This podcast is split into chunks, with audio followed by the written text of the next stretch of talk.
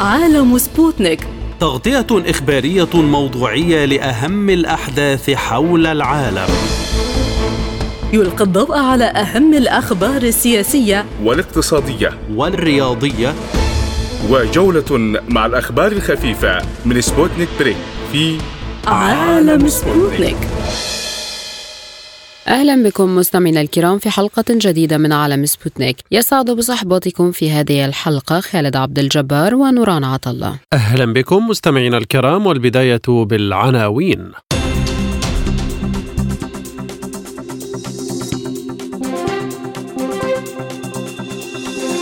بغداد تتفق مع طهران على مواصلة الاجتماعات بشأن الملف الأمني. وزير الدفاع السوداني يقول إنه لا مانع لدى القيادة العسكرية من العمل تحت قيادة مدنية في الفترة المقبلة. في ظل مقاطعة أحزاب المعارضة حملة الانتخابات التشريعية تنطلق في تونس. السعودية تستعد لاستضافة قمة عربية صينية أول ديسمبر في تقارب جديد مع بكين.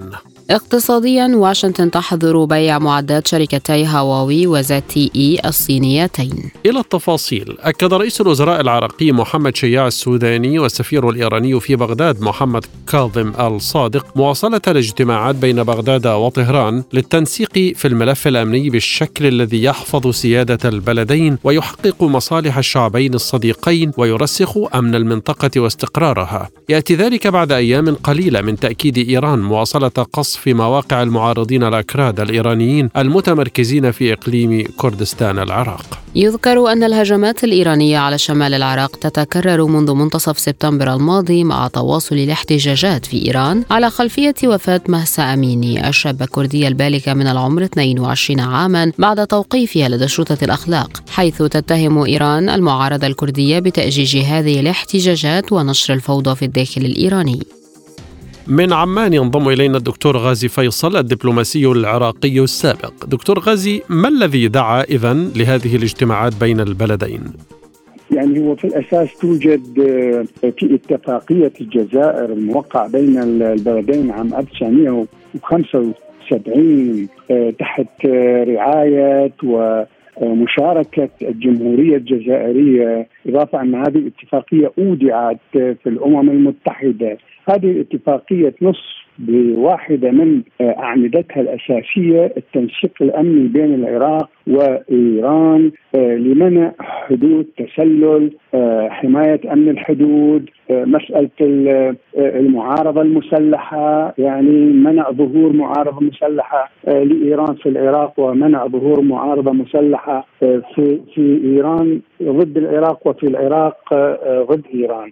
لكن هذه الاتفاقية مع الأسف لم تطبق من قبل الجمهورية الإسلامية بعد عام 79 ولم تلتزم ببنودها وأعتقد الآن من الضروري العودة إلى هذه الاتفاقية واحترام المبادئ الأساسية لضمان الأمن المتبادل بين البلدين. النقطة الأخرى هي مسألة الهجمات المسلحة اللي شنتها إيران على إقليم كردستان في اربيل سليمانيه دهوك تحت ذريعة وجود تنظيمات مسلحة وحركة للسلاح من إقليم كردستان لدعم القوى المسلحة المعارضة في كردستان إيران إلى آخره من التفاصيل، لكن ما قامت به إيران بالتأكيد ينتهك سيادة العراق وينتهك ميثاق الأمم المتحدة ولا يجوز قصف أربيل في يعني واحدة من الهجمات ب 73 صاروخ بالستي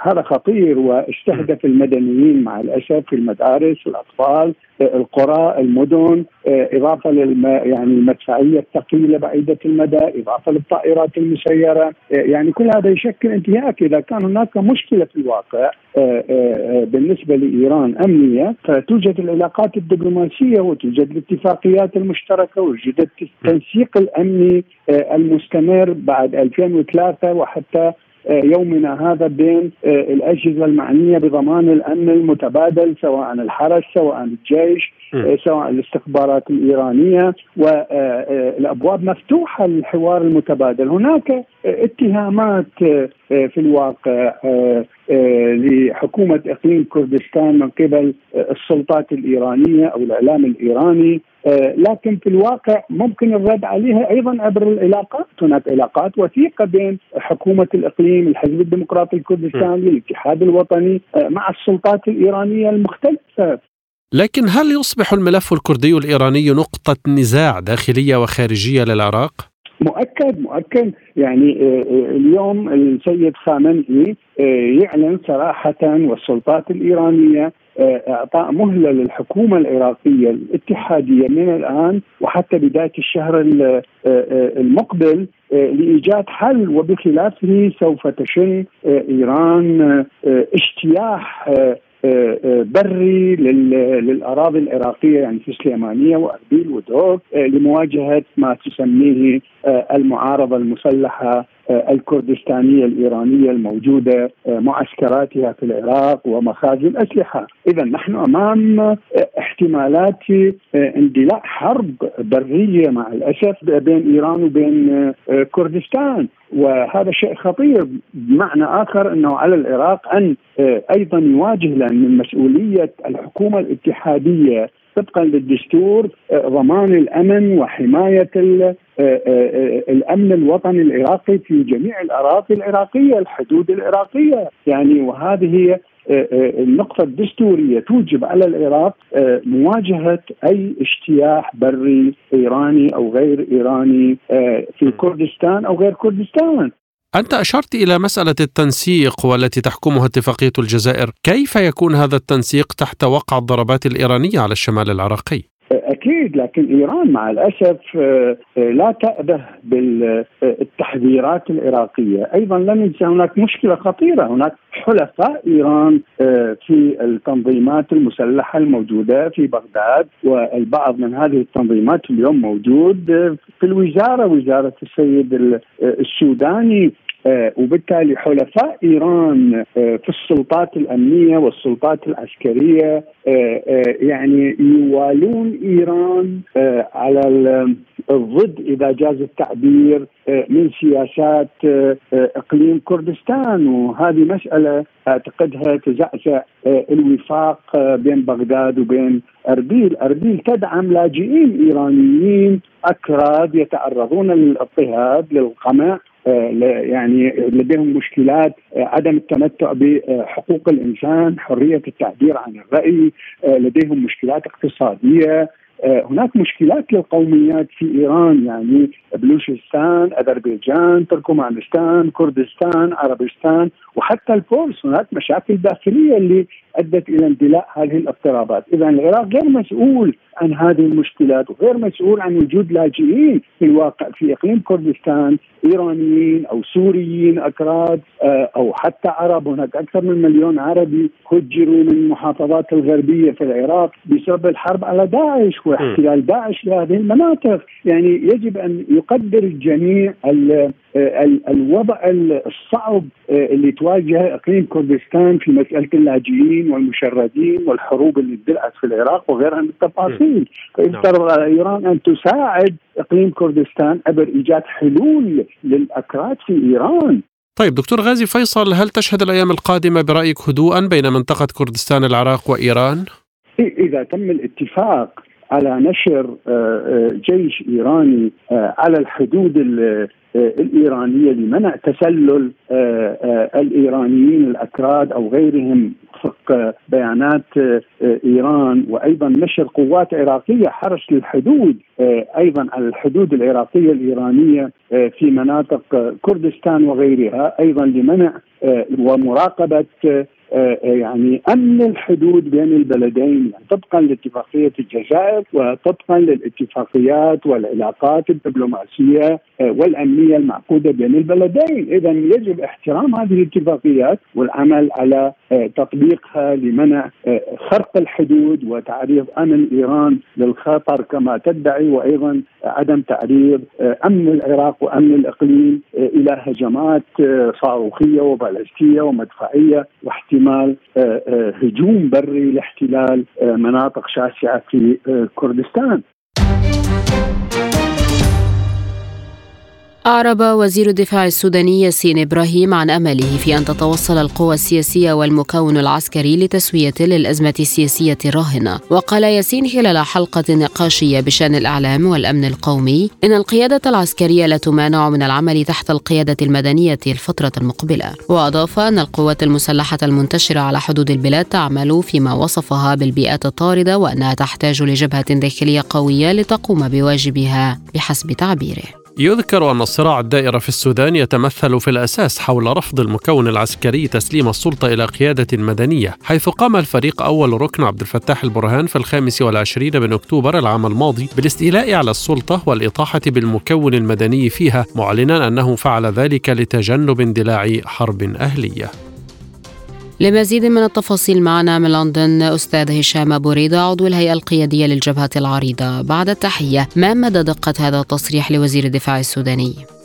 آه صباح الخير عليك وعلى كل المتابعين آه حقيقة آه، وزير الدفاع وهؤلاء كل هؤلاء الانقلابيين آه لو أمسكوا بيستار الكعبة لن يسدوا الشعب السوداني لأن هذه كلها هي محاولات آه للعودة مرة أخرى آه عبر الانتخابات المبكرة وعودة آه رموز النظام السابق من الحياة السياسية آه المجتمع الدولي الآن هو استجاب لهذا المخطط ولكن الشعب السوداني يرفض تماما كل هذه التصريحات التي يعني تصدر من امثال هؤلاء. آه لأن الوضع الآن في السودان أصبح مغاير تماما عما كان من قبل آه هنالك وعي داخل الشارع السوداني. آه الشباب اللي هم الآن هم محركين هذا الحراك الثوري داخل الشارع السوداني هم الذين لديهم القوى الحقيقية ولديهم القرار الحقيقي ولديهم أيضا كل كل الآليات يعني التي يعملون يظلوا يفعلونها منذ آه انطلاق هذه الثورة منذ 2018 يومنا هذا. الآن الشارع هنالك الآن ثلاثة لا يريدون آه اعتراف بهذا الانقلاب العسكري ولا يريدون الجلوس معهم ولا يريدون اعطائهم أي شرعيه. لا بد لكي يسلموا السلطة إلى الشعب السوداني إلى المدنيين ومحاكمة هؤلاء الانقلابيين محاكمة انقلابي 1989 وليس انقلابي 25 أكتوبر. فكل هذه آه، عبارة عن تخدير للشارع السوداني. هذه التصريحات آه، يريدون بها كسب مزيدا من الوقت لكي يعودوا مرة أخرى آه، إلى الانقضاض على على الثورة والانقضاض على أي حراك جادي لكي آه، يقوم بمحاسبه هؤلاء. فالشعب السوداني الآن آه، يعني أصبح على قلب رجل واحد. آه، الشباب مطالبهم أصبحت واضحة. الذي يدور في اضابير أو دهاليز السياسة من الذين هم قد جربوا من قبل الارتماء في حضن هؤلاء العساكر. يريدون مرة أخرى إعادة نفس التجربة. ومن جرب المجرب فقد حقت به الندامة فالشعب السوداني ليس حقل للتجارب. هذه الثورة ثورة عظيمة لديها مطالب واضحة. سوف تقوم على محاسبة كل الذين ارتكبوا حق كل كل الجرائم التي ارتكبوها في ظل في حق الشعب السوداني الشعب السوداني آه، الآن قد عد العدة لهذا الأمر. وهذه المواكب وهذه الثورة لن تنطفي ولن تهمت بمثل هذه التصريحات التي يعني ليست لديها آه، أي سند آه، أو أي لديها أي جدية. هل يمكن أن يقول وزير الدفاع هذا تصريح من دون اتفاق مع رئيس مجلس السيادة عبد الفتاح البرهان؟ آه أنا كما أشرت هي مجموعة واحدة وهذه المجموعة التي تحركها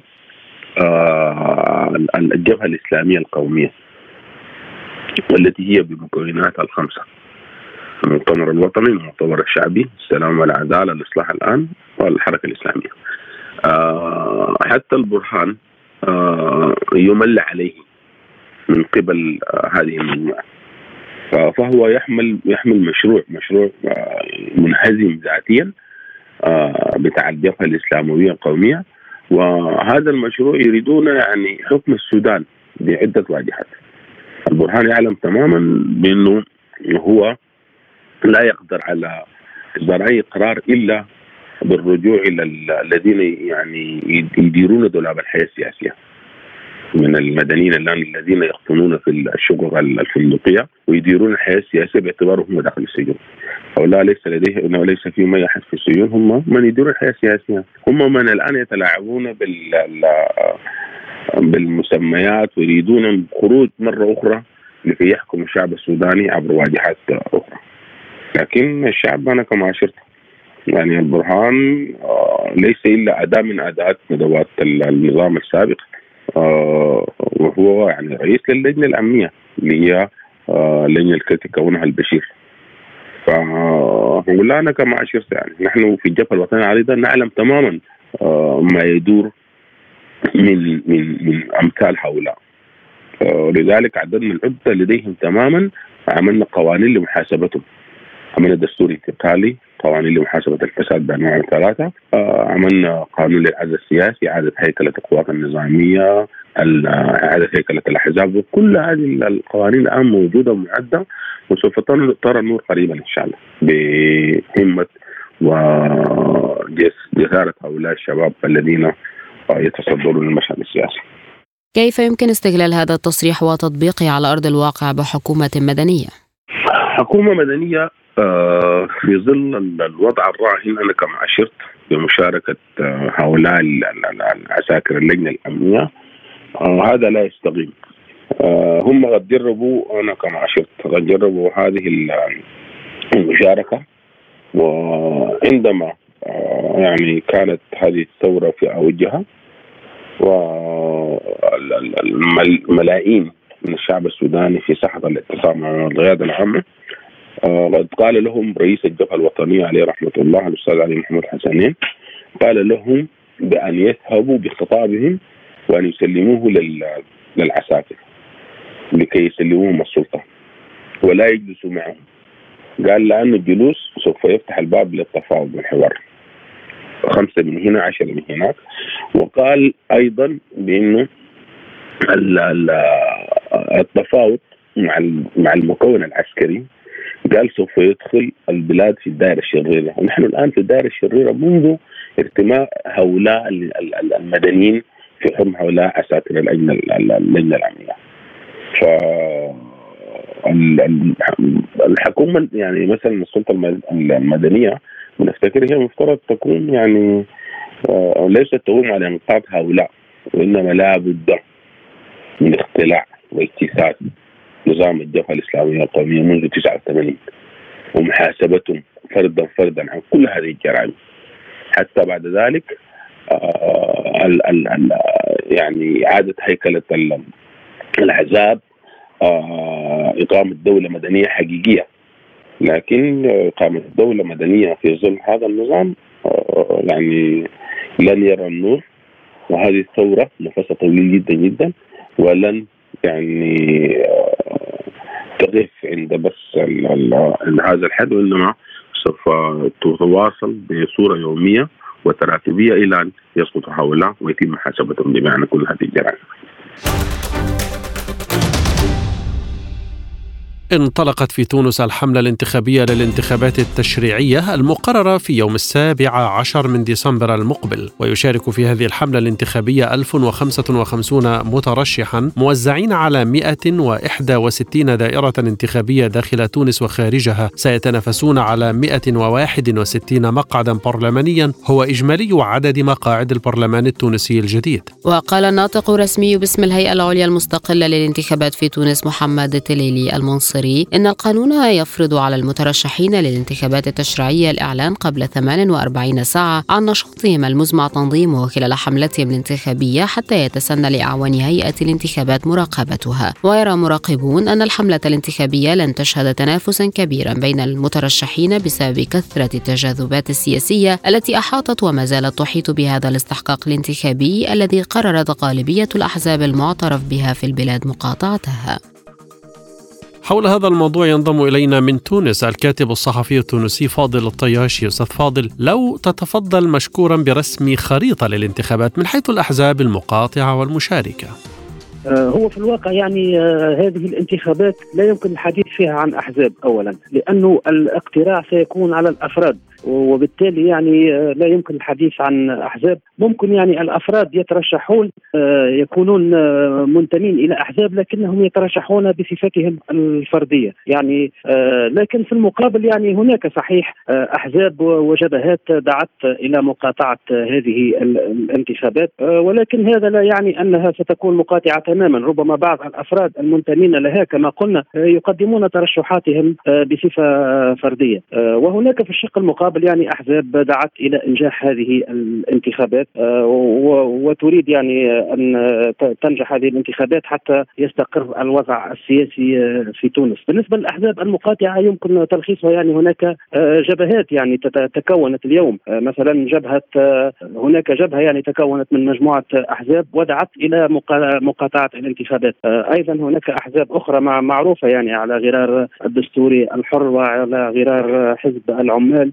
وإلى غير ذلك يعني هناك مجموعة من الأحزاب. وفي المقابل كما قلنا هناك أحزاب أخرى يعني آه، تدعم الرئيس قيس سعيد وتريد لهذه الانتخابات آه، النجاح. وأكيد أن المنتمين إليها سيترشحون آه، أو ترشحوا لهذه الانتخابات بصفتهم الفردية. لكن كيف تسير الحملة الانتخابية في تونس في ظل هذه المقاطعة من غالبية الأحزاب الكبيرة كما أشرت؟ هو بالفعل يعني هذه الحملة الانتخابية التي انطلقت منذ يومين تقريبا أو ثلاثة أيام آه، بدأت آه، يعني مخالفة تماما لسابقاتها. يعني هنا نتحدث عن انتخابات 2011 مثلا أو 2014 أو 2019 يعني أنذاك يعني الحملة الانتخابية شهدت آه، حراكا كبيرا لأنه الأحزاب أنذاك كانت هي التي تقوم بالحملة في الشارع وفي الأماكن العامة. يعني الأحزاب لها من الإمكانيات ولها من القوة. ما يمكنها من عقد اجتماعات جماهيرية وشعبية في الطريق العام أو في أماكن عامة، اليوم الأفراد يعني آه، بدوا وكانهم يعني غير قادرين على آه، إتمام آه، أو على القيام بحملة كبرى تشد الرأي العام، حتى وإن يعني حاول البعض بعض الأفراد حاولوا يعني حشد بعض الأنصار وحشد أصوات الناخبين بصفة مسبقة إلا أن ذلك يعني بدا ضعيفا في الوقت الحاضر. وأيضا من ناحية الاهتمام الشعبي بهذه الانتخابات أيضا بدا ضعيفا آه، خصوصا وانه يعني التونسيين آه، يعني آه، وكأنهم سئموا الشأن السياسي وكأنهم يعني لم تعد لهم رغبة في المشاركة في الشأن العام بحكم الوضع الاجتماعي الصعب والوضع الاقتصادي الصعب. وأيضا بحكم يعني عديد التونسيين يقولون واننا شاركنا في عديد الانتخابات طيله أكثر من 12 سنة يعني ثلاث محطات انتخابية شاركوا فيها. ولكن غالبية التونسيين يقولون وانهم لم يجنوا شيئا من هذه الانتخابات الانتخابات ولم يجنوا شيئا سوى صراعات السياسيين وسوى يعني المعارك السياسية والصراع على الكراسي، الآن يعني أصبحت هناك شيء من النفور من الشأن العام، آه، ممكن قد تتحسن الأمور مع تقدم الوقت وقد تشد هذه الانتخابات آه، الناس. وهل هناك أي طعون مقدمة لإبطال استمرار هذه الانتخابات؟ آه، هناك حديث بالفعل يعني لدى بعض الأطراف التي تريد إبطال هذه الانتخابات آه، وتدعو آه، إلى إبطالها يعني تعتمد هذه الانتخابات على جملة المسار الذي انطلق منذ 25 جويليا وتشكك أو تطعن حتى في المراسيم وفي الانتخابية وفي كل النصوص التي تنظم هذه العملية وتشكك أيضا حتى في هيئة الانتخابات وفي استقلالية الانتخابات. هناك حديث بالفعل عن إمكانية توجه بعض الأطراف إلى القضاء. للطعن في هذه الانتخابات استنادا إلى بعض التجاوزات التي قد تحصل أو استنادا إلى يعني آه، بعض الإخلالات القانونية أو التش أو الإجرائية أو التشريعية آه، على مستوى النصوص التي صدرت إلى حد الآن لتنظيم هذه الانتخابات سواء تعلق الأمر بدعوة الناخبين أو بالقانون الانتخابي في حد ذاته أو كما قلنا يعني بسير عمل هيئة الانتخابات. أستاذ فاضل طياشي ما هو تأثير هذه المقاطعة الواسعة على مستقبل البرلمان التونسي من حيث شرعيته؟ وبالفعل يعني هذه هي هي المخاوف الكبرى اليوم في تونس. يعني معروف انه يعني الديمقراطية في كل الدول تقوم على انتخابات ذات مشاركة واسعة وتكون يعني قائمة على برلمان له تمثيلية كبرى وتنبثق عنه حكومة تكون لها أيضا مشروعية وشرعية مشروعية شعبية وشرعية قانونية. اليوم يعني الخوف كل الخوف وأنه يعني تكون المشاركة في هذه الانتخابات ضئيله وبالتالي يعني يكون الانتخاب البرلمان عفوا الذي سينبثق عنها تكون تمثيليته ضعيفة وتكون الحكومة التي ستنبثق عنه فيما بعد أيضا تكون يعني فاقدة للمشروعية الشعبية. اليوم يعني صحيح وانه المسار والوضع السياسي العام يبدو متقلبا اليوم في تونس ويبدو يعني مثيرا للنفور كما قلنا ولمقاطعه هذه الانتخابات لكن الثابت وان التونسيون مدعوون اليوم للمشاركة في هذه الانتخابات ولإعطاء فرصة لمن سيمثلون سيمثلونهم في البرلمان القادم لما لا يعني تعطى لهم فرصة وتجرى هذه الانتخابات وتكون المشاركة كثيفة. وفيما بعد يعني تتم المحاسبة في الانتخابات الموالية باي طرق أخرى خصوصا وانه القانون الانتخابي أصبح يسمح يعني ببعض الإجراءات أو بإمكانية محاسبة البرلمانيين القادمين من خلال يعني سحب الوكالة منهم، هناك إجراء قانوني جديد في القانون الانتخابي الذي وقع تنقيحه. ينص على أنه بإمكان الناخبين إن لم يكونوا راضين عن أداء نائب أو غير ذلك بإمكانهم أن يسحبوا منه النيابة ويسحبوا منه الوكالة، وبالتالي يعني لا بد من المشاركة في هذه الانتخابات وفيما بعد كما قلنا تتم المحاسبة، المهم انه لا تتوقف لا يتوقف المسار السياسي في تونس وتقع المحافظة على الحد الأدنى من الديمقراطية في البلاد. Thank you. تستضيف السعودية قمة عربية صينية في أوائل ديسمبر المقبل في خضم التوترات الدبلوماسية بين الرياض وواشنطن. وأكد القنصل الصيني العام في دبي لي شياي هانغ على موعد القمة وتحديدا خلال الأيام العشر الأولى من شهر ديسمبر كانون الأول القادم. وأضاف هانغ أن ذلك يعد حدثا كبيرا لتحسين العلاقات الصينية العربية وعلامة بارزة في تاريخ العلاقات الصينية العربية. وتأتي هذه القمة بينما تشهد العلاقات السعودية الأمريكية توتر توترا إثر قرار المملكة خفض إنتاج النفط من خلال تحالف أوبيك بلس. معنا من الرياض دكتور عبد الله العساف الكاتب والمحلل السياسي لمزيد من التفاصيل والتعليق. بعد التحية دكتور عبد الله، ماذا يعني ذلك في ظل التوتر المتصاعد بين بكين وواشنطن والرياض؟ أهلا وسهلا بك، أنا أعتقد أنه ليس هناك أي علاقة أو يجب أن لا يكون هناك أي علاقة أو ربط بين التوتر بين الصين و... و... والولايات المتحدة أو حتى توتر العلاقه السعودية الأمريكية. السعودية في هذه المرحلة اتجهت شرقا بحثا عن مصالحها فهي لديها بالمناسبة رؤية طموحة رؤية 2030 تسعى لتنويع السلة السياسية. وكما أنها تسعى أيضا لتنويع السلة السياسية فهي عفوا الاقتصادية. فهي تسعى لتنويع السلة السياسية. نبحث عن شركاء جدد. الصين هي عميلنا رقم واحد بالنسبة للنفط السعودي. الولايات المتحدة أيضا بحثت عن مصالحها شرقا. فنحن أيضا نبحث عن مصالحنا شرقا وغربا وفي كل مكان. وهذا أمر مقبول في العلاقات الدولية. ولا يمكن إسقاطه على أي خلافات أو اختلافات في وجهات النظر بين الدول. هل هناك اتجاه لتحالف أقوى مع بكين تقوده الرياض في مواجهة المعسكر الغربي؟ أنا لا أعتقد انه الرياض ستدخل من هذه الزاوية ولن تدخل ضد أو مع أحد ولكنها ستدخل مع مصالحها ولن تنحاز في هذه الفترة أو المرحلة المقبلة من سياسة الرياض الخارجية أنها ستعمل سياسة عدم الانحياز إلا لمصالح الرياض لمصالح العرب لمصالح المسلمين وهذا ما نتمناه. مصالحنا هي أي مع موسكو مع بجين مع أي دولة من الدول ستذهب الرياض إليها ومع ذلك علاقتنا بواشنطن هي علاقة استراتيجية لا يمكن التفريط فيها حتى وإن كانت هذه الإدارة الأمريكية لديها تكتيك معين وهو تكتيك سريع جدا ربما للتخفيف من العلاقة أو الارتباط بين الرياض وواشنطن ألا أن تبقى العلاقة السعودية الأمريكية علاقة متينة وتاريخية. كيف يؤثر ذلك على الوجود الأمريكي في الخليج وهل المنطقة دخلت مرحلة جديدة من الابتعاد عن النفوذ الأمريكي؟ آه، طبعا سيكون هناك تحالفات جديدة ومصالح جديدة.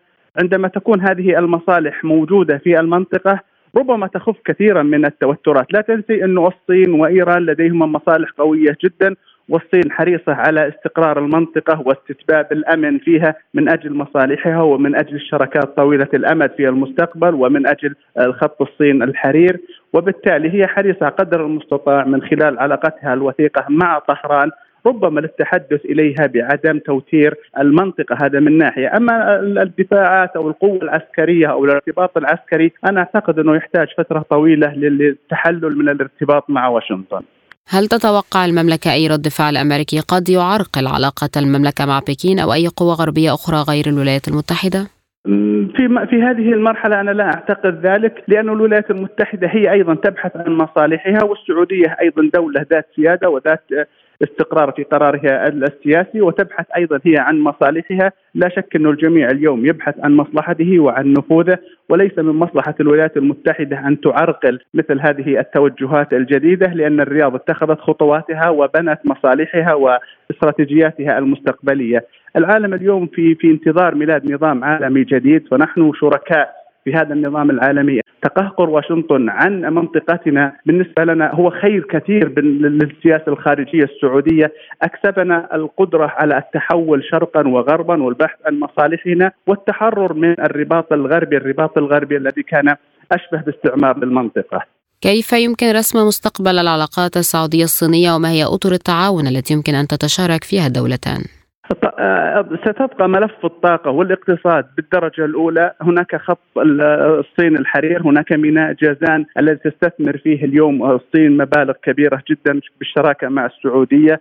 الملف الاقتصادي حيكون رقم واحد. ثم الملف الثقافي. عسكريا الصناعات العسكرية أيضا الصينية ربما يكون لها حضور في في في العقيدة العسكرية السعودية المستقبلية. وهذا ما أيضا أفرزته الفترة الماضية من خلال خطر أو نعم خطورة الاعتماد على مصدر واحد للسلاح وعقيدة واحدة ربما تؤدي في المستقبل إلى مشاكل كثيرة. هل يمكن أن تنسق المملكة مع الجانب الأمريكي لتوطيد العلاقات مع الصين أكثر؟ لا أعتقد لأنه القرار سعودي 100% مصدره ومنبعه ومطبخه سعودي 100% وليس للولايات المتحدة الحق في أنها تستشار وهذا القرار هو نابع من إرادة المملكة ونابع من مصالحها واستراتيجياتها ونابع أيضا من التحول الجديد الذي يعيشه العالم في هذه المرحلة، هناك إفرازات جديدة، هناك مخاض سياسي عسير لميلاد نظام عالمي جديد برأسين أو بثلاثة رؤوس، نحن شركاء في صنع هذا النظام العالمي الجديد ولا يمكن أن نكون على هامش التاريخ ولا هامش الانتظار والترقب. هل العلاقة مع الصين ستكون على المستوى الاقتصادي فقط أم يمكن أن تصل إلى المستوى السياسي أيضا؟ آه، لا اولا آه، لابد العلاقة الاقتصادية هي المحرك والقاطرة الأولى التي تقود وتوجه العلاقات السياسية، لا يوجد علاقة بين الدول الاقتصادية دون أن أن أن يستتبعها علاقات سياسية والصين أحد الخمس الكبار الفاعلين والمؤثرين في مجلس الأمن هي قادرة على دعم القرارات السعودية والعربية والوقوف في وجه ربما طغيان القرار الغربي واتحادهم ضد مصالح العرب والمسلمين ربما الصوت الصيني يكون مؤثر ومرجح في هذه المرحلة بالإضافة إلى نمو وتصاعد القوة العسكرية الصينية التي بدأت اليوم تحاكي الطيران أو القوة العسكرية الأمريكية في صناعاتها وهذا أيضا يفتح أبواب جديدة للتعاون العسكري والتعاون الاستراتيجي مع الصين. هل هذا التعاون السعودي الصيني يمكن أن يتسع ليشمل دول إقليمية أخرى؟ أي نعم بكل تأكيد أنا أعتقد انه دول الخليج آه، ربما آه، ستستتبع التجربة السعودية وتكون أيضا تمضي على علاقات جيدة مع الصين فالصين اليوم هي نموذج صناعي اقتصادي قوي صاعد وبالتالي آه، ستتجه إلى الاستثمار في منطقة الخليج العربي ورأينا هناك استثمارات مع دولة الكويت لمدة 50 عاما 99 عاما وأيضا ستتبعها ربما استثمارات أخرى في دولة الإمارات وفي غيرها من الدول. والآن إليكم جولة إخبارية حول العالم من عالم سبوتنيك.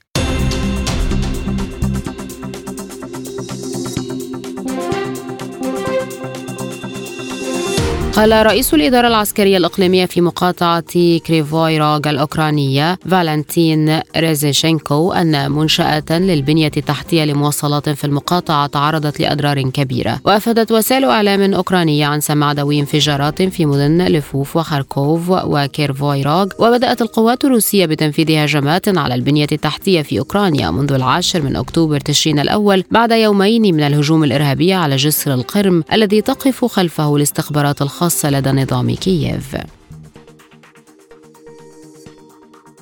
قالت المتحدثة باسم وزارة الخارجية الروسية ماريا زخاروفا أنه لم يتبقى أكثر من دبلوماسيين روسيين في بعض الدول غير الصديقة لروسيا بعد العملية العسكرية الخاصة في أوكرانيا. وأضافت أنها تتحدث بشكل أساسي عن دول الاتحاد الأوروبي. وتلك الدول التي أعلنت روسيا أنها غير صديقة لأنهم قللوا عمليا وجود روسيا الدبلوماسي. وأكدت أن عمل الدبلوماسيين الروس في الخارج أمر بالغ الأهمية لأنهم يساعدون المواطنين والمنظمات الروسية ويساعدون في الحفاظ على العلاقات الاقتصادية.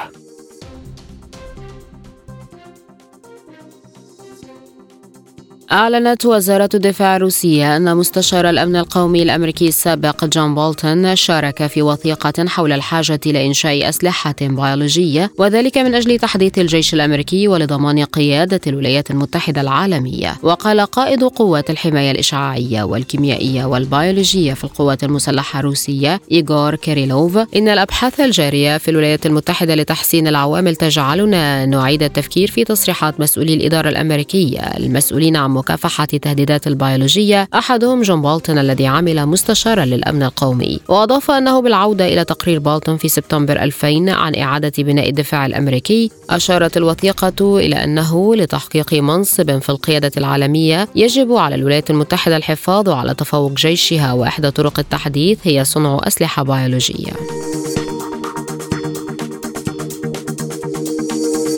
أفادت شركة الطاقة الأوكرانية أوكرو إنرغو أن عجز قطاع الطاقة الأوكراني يبلغ حاليا 20% وقالت الشركة في بيان يغطي منتج الكهرباء ما يقرب من 80% من احتياجات الاستهلاك التي تتزايد تدريجيا بسبب الطقس البارد. ويستمر نظام التقنين الكهربائي في العمل بسبب نقص الطاقة الذي يبلغ الآن نحو 20% وكشف رئيس مجلس إدارة شركة الطاقة الأوكرانية فلاديمير كودرتسكي في الثاني والعشرين من نوفمبر تشرين الثاني أنه لم لم يعد هناك عمليا أي محطات طاقة حرارية أو كهرومائية سليمة في أوكرانيا.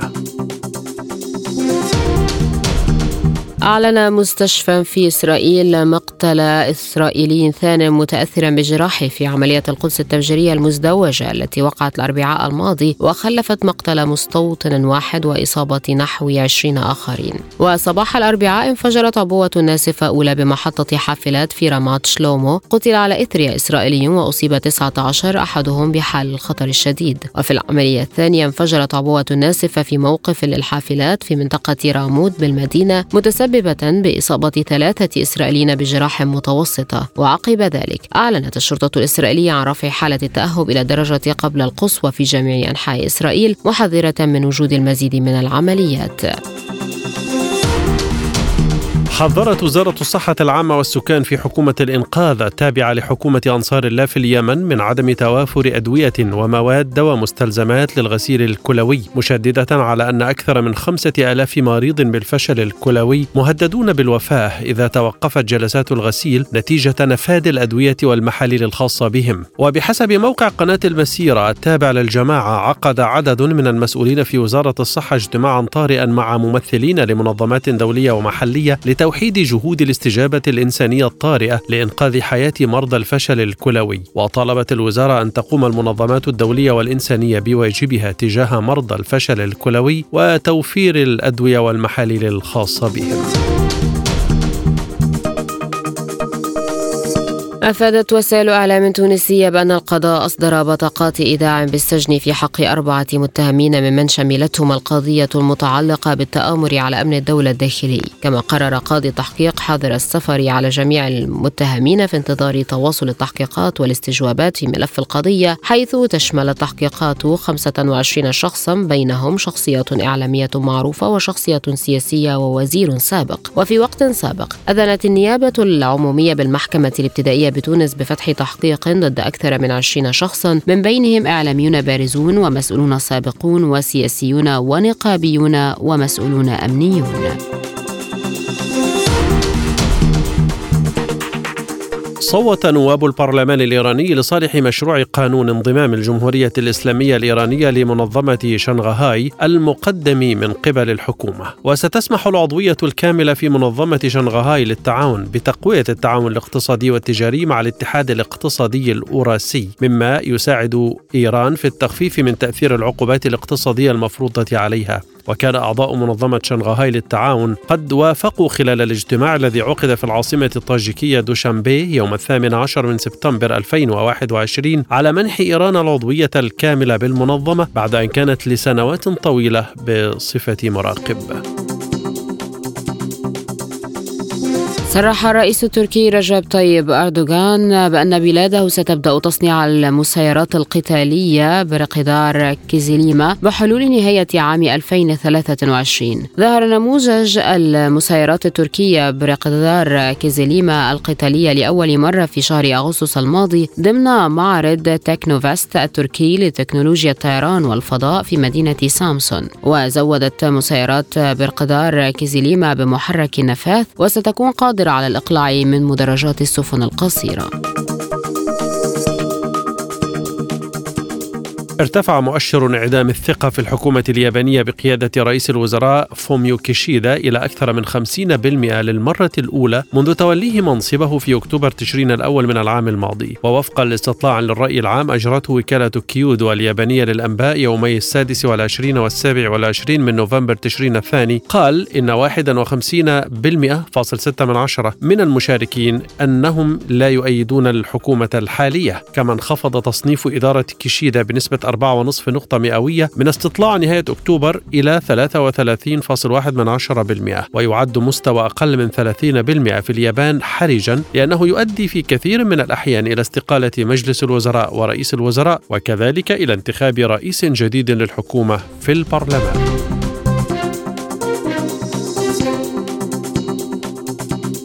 أعلنت وزارة الدفاع التايوانية أنه تم رصد أربع سفن تابعة لبحرية جيش التحرير الشعبي الصيني وثمان طائرات في المنطقة المجاورة لتايوان. وقال تقرير للوزارة أنه خلال مناورات تجريها الصين دخلت مقاتلتان من طراز جي 10 وقاذفتان استراتيجيتان من طراز اتش 6 منطقة تحديد الدفاع الجوي التايوانية في المنطقة الجنوبية الغربية. ورد جيش الجزيرة بإرسال دوريات جوية وإنذارات لاسلكية ونشر أنظمة صواريخ مضادة للطائرات الطائرات.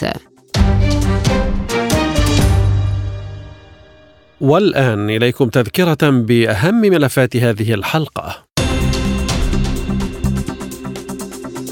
بغداد تتفق مع طهران على مواصلة الاجتماعات بشأن الملف الأمني. وزير الدفاع السوداني يقول إنه لا مانع لدى القيادة العسكرية من العمل تحت قيادة مدنية الفترة المقبلة. في ظل مقاطعة أحزاب المعارضة حملة الانتخابات التشريعية تنطلق في تونس. السعودية تستعد لاستضافة قمة عربية صينية أول ديسمبر في تقارب جديد مع بكين. اقتصاديا واشنطن تحظر بيع معدات شركتي هواوي وزد تي اي الصينيتين. الآن مستمعين إليكم مجموعة من الأخبار الاقتصادية من عالم سبوتنيك.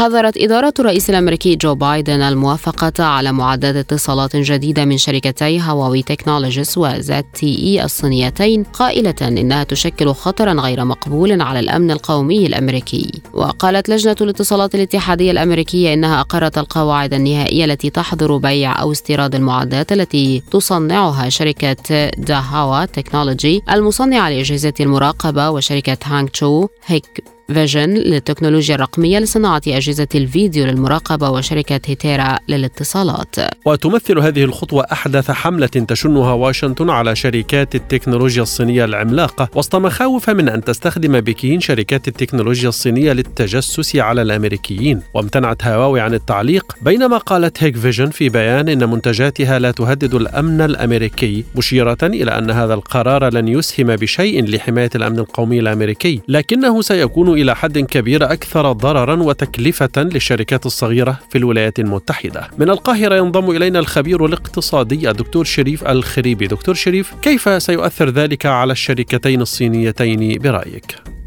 أه، حضرتك لازم عندما أه، نحلل قرار مرتبط بشركات أو منتجات صينية أه، يجب أن ننظر لأن الصين بمفردها تقريبا بنتكلم على أكثر من 20% من سكان العالم. آه جمهوريه الصين مليار ونصف المليار نسمة وهذه الجمهورية لديها من الإمكانيات التسويقية ولديها من الإمكانيات آه آه الامتصاص أي كمية من المنتجات بشكل كبير جدا وبالتالي تأثير محدود خاصة أن هناك الآن اتحاد اقتصادي واضح ومهم بين الصين وبين جمهورية روسيا الاتحادية ومعهم الهند التي تمثل ثاني أكبر تعداد سكان في العالم من خلال اتفاقية بريكس فلا أعتقد أنه سيكون هناك أي تأثير حقيقي أو ملموس بالنسبة للحظر اللي اخذته حكومة الولايات المتحدة الأمريكية. لكن هل تكون ذلك بداية لتصعيد بين واشنطن وبكين في حرب تجارية جديدة؟ هو الحرب قائمة الحرب قائمة ومنذ مدة. لكن قرار مثل هذا طبعا في السياسة الدولية في حاجة اسمها المعاملة بالمثل. فأنا أعتقد أن لو بكين أخذت قرار بحظر استيراد منتجات بعينها أمريكية دي اللي هيكون لها تأثير كبير على السوق الأمريكي الحقيقة وعلى الاقتصاد الأمريكي. وأعتقد أنها ستقوم بذلك.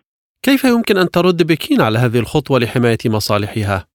ردها هو في ثلاث خطوات الاثنين متل أو ثلاث خطوات متلازمة. الخطوة الأولى هي آه النظر في آه مجموعة من المنتجات الأمريكية اللي بيتم استيرادها بكثافة للسوق الصيني ووقف الاستيراد فورا. آه الخطوة الثانية هو بدء تسويق منتجاتها من الشركات الاتصالات لباقي أسواق العالم وهي منتجات مقبولة جدا خاصة أن نظام التشغيل هناك الأندرويد الأمريكي هناك تشغيل صيني مشابه وأثبت كفاءته بشكل كبير داخل الصين وسيتم تعميمه خارجها. الخطوة الثالثة وهو التنسيق مع الحلفاء الاقتصاديين وأولهم روسيا الاتحادية والهند لعمل خطوة مقابلة حتى إذا اشتعلت الحرب الاقتصادية أو التجارية ودخل فيها حلفاء الولايات المتحدة الأمريكية يكون حلفاء الصين أيضا جاهزون للرد بالمثل. لكن دكتور شريف الخريبي كيف تشكل هذه الشركات ضررا على الأمن القومي الأمريكي كما تقول واشنطن؟ ده يعني كلام الحقيقة للاستهلاك المحلي. جميع شركات التكنولوجيا الآن متواصلة ومتصلة عن طريق شبكة الإنترنت الدولية وبالتالي هناك إجراءات حمائيه تقوم بها كل الدول الصغير والكبير منها فما بالك في دولة في حجم الولايات المتحدة الأمريكية متطورة تكنولوجيا بشكل كبير؟ هي الحقيقة بتقوم بهذه الخطوة لعمل نوع من الضغط أو بتتصور ان هذا سيمثل ضغط على الاقتصاد الصيني وعلى حجم الصادرات الصينية لكن لما ننظر لكمية أو نسبة الصادرات الصينية من الشركتين دول إلى الولايات المتحدة الأمريكية هنلاقيها نسبة في حدود 17% من حجم صادراتهم بشكل كامل لباقي دول العالم وبالتالي هي نسبة ممكن استيعابها من خلال السوق المحلي الكبير لجمهورية الصين أو من خلال باقي دول العالم التي تحتفظ بعلاقات طيبة جدا مع الصين.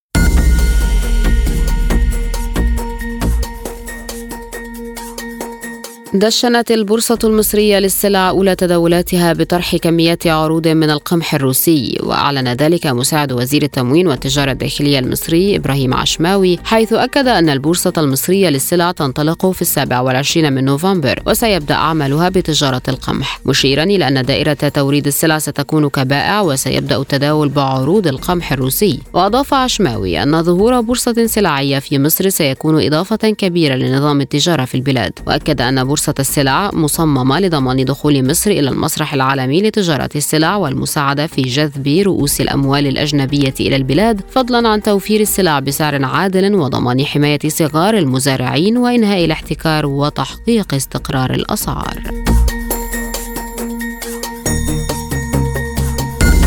أفادت صحيفة فاينانشال تايمز أن قطر بدأت مراجعة لاستثماراتها في لندن بعدما منعت هيئة النقل بالمدينة إعلانات سياحية للدولة الخليجية على الحافلات وسيارات الأجرة وقطارات الأنفاق بالعاصمة الإنجليزية. وقالت الصحيفة إن الخطوة التي اتخذتها هيئة النقل بلندن جاءت نتيجة لمخاوف بشأن موقف الدولة المستضيفة لكأس العالم لكرة القدم حيال حقوق مجتمع المثليين ومعاملتها للعمالة الوافدة. وقطر واحدة من أكبر المستثمرين في لندن من خلال صندوقها للثروة السيادية. وقالت الهيئة إن الإعلانات التي تروج للسفر إلى قطر أو السياحة في قطر أو تصور قطر كوجهة مفضلة لن تعتبر مقبولة. وفي ظل تسليط الأضواء عليها مع استضافتها كأس العالم تدافع قطر عن نفسها في مواجهة الانتقادات قائلة إنها بلد ودود لا تنطوي معاملته للناس على أي تمييز. ونفت الاتهامات بانتهاك حقوق العمال بينما يجرم القانون القطري العلاقات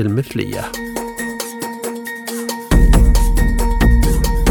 وافق البنك الأوروبي لإعادة الأعمار والتنمية على تقديم 130 مليون دولار للأردن لإنشاء مجلس أعلى للأمن الغذائي لإدارة أزمات الإمدادات الغذائية. وحسب موقع قناة المملكة قال البنك الأوروبي إن القرض سيكون لصالح وزارة الصناعة والتجارة والتموين المسؤولة عن المشتريات الدولية والوطنية وتخزين وبيع وتوزيع القمح والشعير في الأردن حيث سيمول القرض الاحتياجات المتعلقة بشراء الحبوب ودعم توسعة تخزين الحبوب بشكل بشكل استراتيجي في جميع أنحاء البلاد.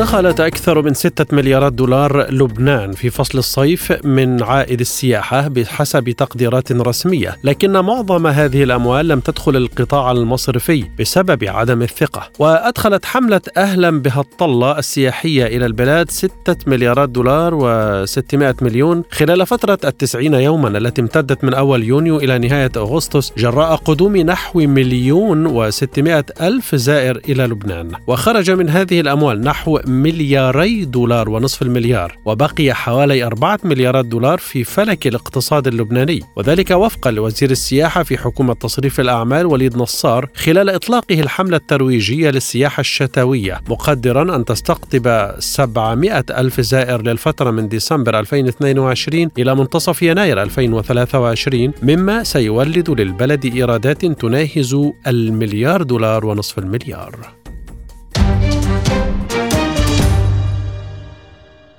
والآن مستمعين إليكم مجموعة من الأخبار الرياضية من عالم سبوتنيك.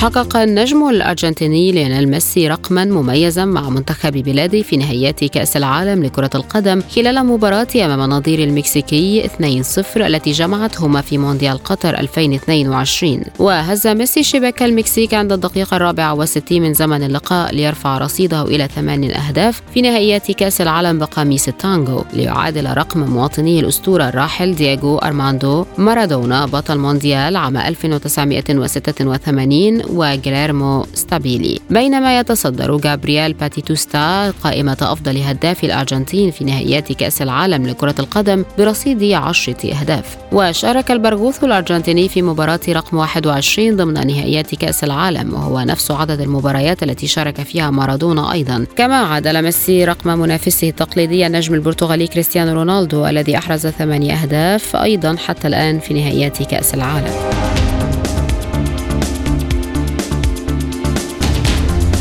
سجلت جماهير مباراة الأرجنتين والمكسيك ضمن منافسات المجموعات من كأس العالم قطر 2022 الحضور الأعلى في النسخة الحالية من البطولة. وحقق منتخب التانجو فوزا ثمينا على المكسيك بهدفين دون رد في المباراة التي أقيمت على ملعب لوسيل ضمن منافسات الجولة الثانية من المجموعة الثالثة لدور المجموعات. وأكدت قناة شبكة قنوات بي إن سبورت القطرية مالكة حقوق البث التلفزيوني لكأس العالم في المنطقة العربية أن هذه المباراة سجلت أعلى حضور جماهيري في البطولة والتي كان على رأس مشاهديها أمير دولة قطر الشيخ تميم بن حمد آل ثاني. وأظهرت الشاشة الرئيسية لملعب لوسيل أن مباراة الأرجنتين والمكسيك حضرها 88966 متفرجا. وتجاوز هذا الرقم الحضور الجماهيري لمباراة البرازيل وصربيا التي أقيمت على نفس الملعب الخميس الماضي وحضرها 88103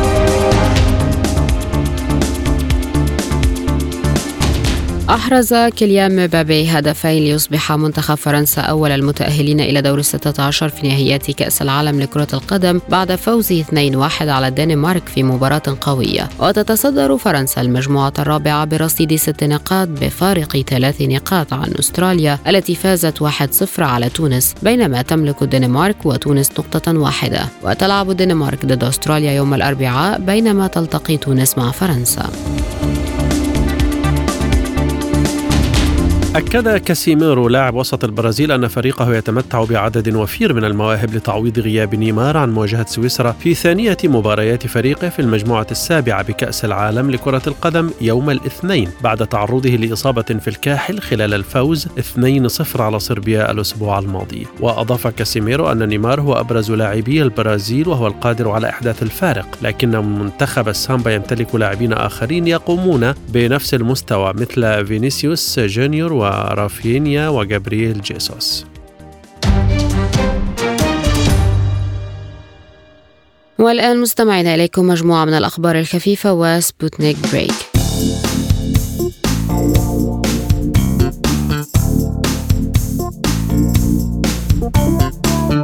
حذر باحثون من أن المصابين بالربو يعانون من زيادة خطر الإصابة بحالتين قاتلتين في كثير من الأحيان. وتوصلت دراسة جديدة لأن الإصابة بالربو تضاعف من خطر التعرض لأزمة قلبية وسكتة دماغية. ووجد باحثون أمريكيون أن سبب ذلك يعود إلى أن غالبية المصابين بالربو يعانون من تراكم الترسبات في الشرايين السباتية أكثر من أولئك الذين لا يعانون من المرض الالتهابي المزمن. والشرايين السباتية هي الأوعية الدموية الرئيسية التي تزود الدماغ بالدم وعادة عادة ما يرتبط تراكم الويحات بحالات مثل ارتفاع ضغط الدم والسكري وحتى السمنة والتدخين.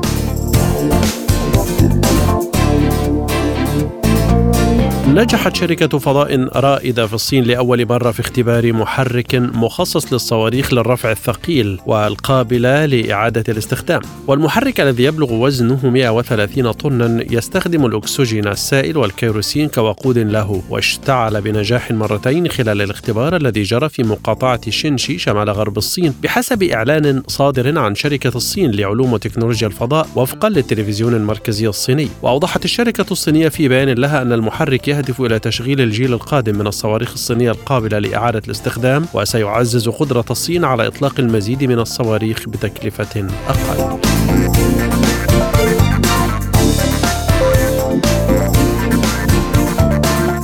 قالت الشرطة إن السلطات الإيطالية صادرت مجموعة أثرية قيمة معروضة في قاعة الاجتماعات بمقر بنك في جنوب إيطاليا. وصادرت قوات الشرطة أوان فخارية كانت موضوعة في داخل الفرع الرئيسي لبنك بوبولاري دي باري في منطقة بوليا جنوب شرق إيطاليا دون علم الإدارة الحالية بمصدر المجموعة المحظور ملكيتها لغير الدولة. وقالت الشرطة إن المجموعة المكونة من 103 قطع من الخزف تشمل مزهريات وأطباق وأباريق ترجع إلى الفترة بين القرن الخامس قبل الميلاد والقرن الأول الميلادي وتمثل قيمة ثقافية تاريخية لا تقدر بمال وقيمة اقتصادية فائقة الأهمية.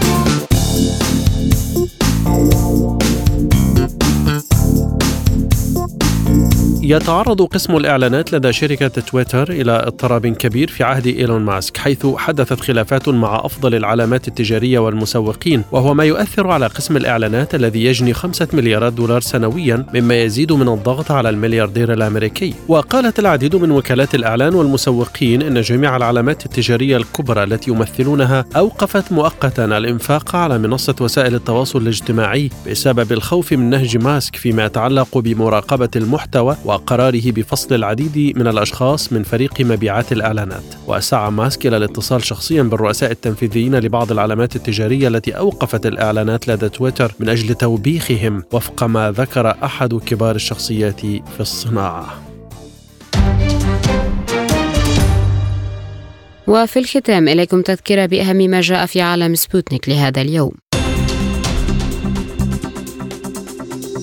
بغداد تتفق مع طهران على مواصلة الاجتماعات بشأن الملف الأمني. وزير الدفاع السوداني يقول إنه لا مانع لدى القيادة العسكرية من العمل تحت قيادة مدنية الفترة المقبلة. في ظل مقاطعة أحزاب المعارضة حملة الانتخابات التشريعية تنطلق في تونس. السعودية تستعد لاستضافة قمة عربية صينية أول ديسمبر في تقارب جديد مع بكين. واقتصاديا واشنطن تحظر بيع معدات شركتي هواوي وزد تي إي الصينيتين. ورياضيا نجم الأرجنتيني ليونيل ميسي يحقق رقما مميزا مع قيادته منتخب بلاده للفوز على المكسيك 2-0 في نهائيات كأس العالم لكرة القدم بقطر. للمزيد زوروا موقعنا عبر الإنترنت سبوتنيك إلى اللقاء.